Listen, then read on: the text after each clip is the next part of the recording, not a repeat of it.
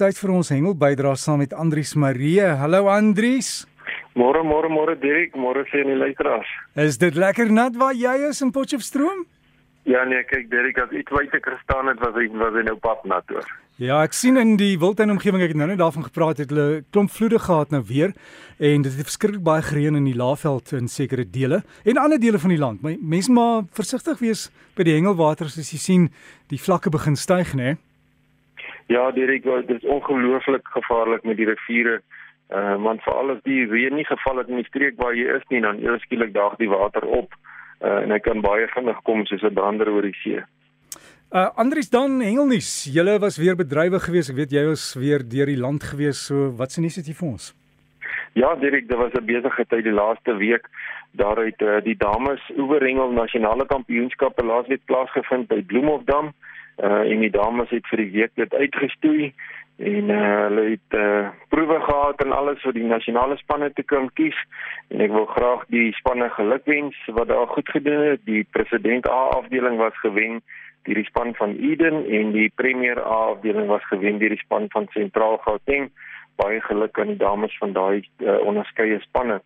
Dan in dieselfde tyd in hierdie week was die Rots en Strand SA kampioenskappe aangebied vir die dames afdeling. Uh, dit het daar by Strysbaai plaasgevind. En die damespan van Boland het daar gewen, baie geluk aan die span. Uh, is voorwaar goed gedoen. Dan Derek was daar nog 'n Rotsonstrand uh, kampioenskappe gewees vir die seniorste B afdeling en ook die ontwikkelingsafdeling. En die B afdeling was gewen deur die span van KwaZulu-Natal se binneland en die ontwikkelingsafdeling was gewen deur die uh, KwaZulu-Natal ook die binnelandse span. Baie geluk aan die onderskeie spanne. Uh, Derek ek het 'n klompie foto's gekry van die dames se hengel al hulle aksie. Ek gaan dit daar op die Breakfast Facebook bladsy uh, Facebook bladsy plaas en uh, die luisteraars kan gerus gaan kyk na al die dames waar hulle stokkers waai net so ser hulle jaar. Um, het hulle baie goeie vangste gehad die afgelope week. Uh, luisteraars dan uh, die 7de tot die 13de Mei van die Interklub en Interprovinsiale Diepsee Hengeltoernooi plaas daar by Sodwana en uh, die toernooi vind plaas in drie verskillende tegnieke of uh, teikenspesies. Hulle gaan seilvis teiken, marline en dan ook roofvis. En uh, die uh, Mpumalanga Diepsee Hengel Assosiasie is die gasheer vir die toernooi en hulle nooi al die klubs en provinsies uit om in te skryf. Gaan gerus daar in Mei maand, goeie tyd om te gaan hengel daar by Sodwana. Weet ek dan het ek verlede week genoem, ek gaan so 'n bietjie gesels oor die loods of launching van motorbote vanaf die strand uh, om in die see te kan uitvaar. Nou ja, Dirk, um, ek het so 'n bietjie gaan sit en 'n video saamgestel van hoe die proses is om 'n boot uit te kry op die oop see en dan ook weer terug te kry. En uh, ek het hom gelaai daar op die Breakfast Facebookblad. Die luisteraars kan gerus gaan kyk na die proses wat gevolg moet word uh, om seker te maak dat die hengelaars veilig op die see gaan en uh, dan weer ook veilig kan terugkom.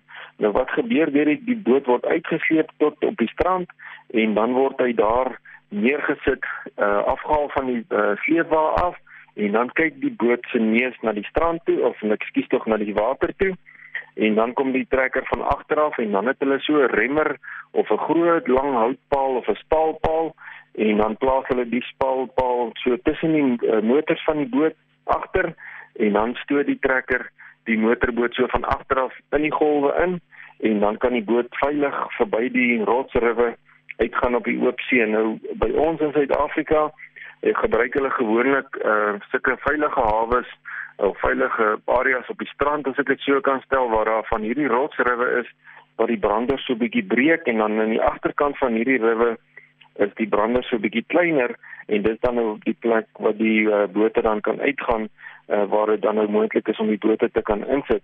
En direk dan nou na die dag se hengel, nou ja, dan moet die boot weer kan uitkom.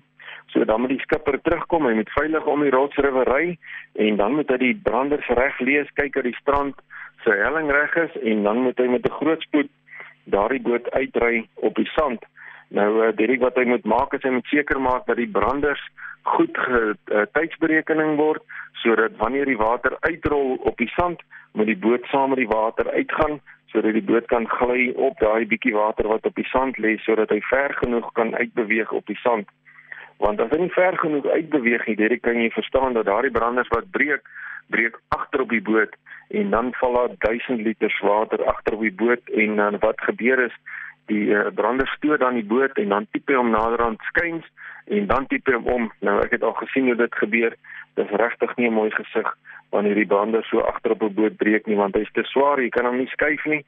Ehm um, so dis 'n baie gevaarlike tyd as die boot dan nou nie ver genoeg uit die water uitgeskei word nie. So die skippers wat verantwoordelik is om die bote uit te vat en weer terug te bring, ek haal voorwaar my hoed af vir julle. Dit is nie 'n maklike taak om die boot van die strand af uit te vat en weer terug te bring nie. Luisteraars dan gerus gaan kyk na die video. Ek het probeer om dit so saam te stel dat dit mooi die storie vertel van uh, hierdie proses van die skippers wat die motorbote uitvat en uh, die manne laat dit nou Nou Dirk, uh, volgende naweek gaan ek gesels daar van Egipte af en dan sal ek bietjie meer vertel hoekom ek daar is. Dankie vir vandag en uh, groetnis en vrede aan almal. Dankie Andrius, ek stuur vir jou deur 'n lysie van goed wat jy moet moet kry daar by die museum in Kaïro.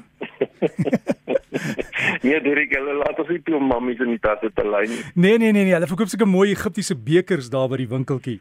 Is nogal baie baie interessant. Veral jy wat so lank as die hengelwaters wil wil wees, dan kan jy so met 'n mammie in jou hand staan, hoor. ek sou vir jou so 'n bekertjie saambring is reg. Andries baie dankie en en veilig wees en geniet jou reis en veilig reis ook hoor. Baie baie dankie. Groetnis. Groetnis en Andries Marie dan met ons hengel bydra. As jy wil kontak maak, gaan loer op die Breakfast Facebookblad. Onthou dis die Afrikaanse spelling B R E K F I S en sluit dan by ons groep en dan kry jy al die inligting en al die fotos sien.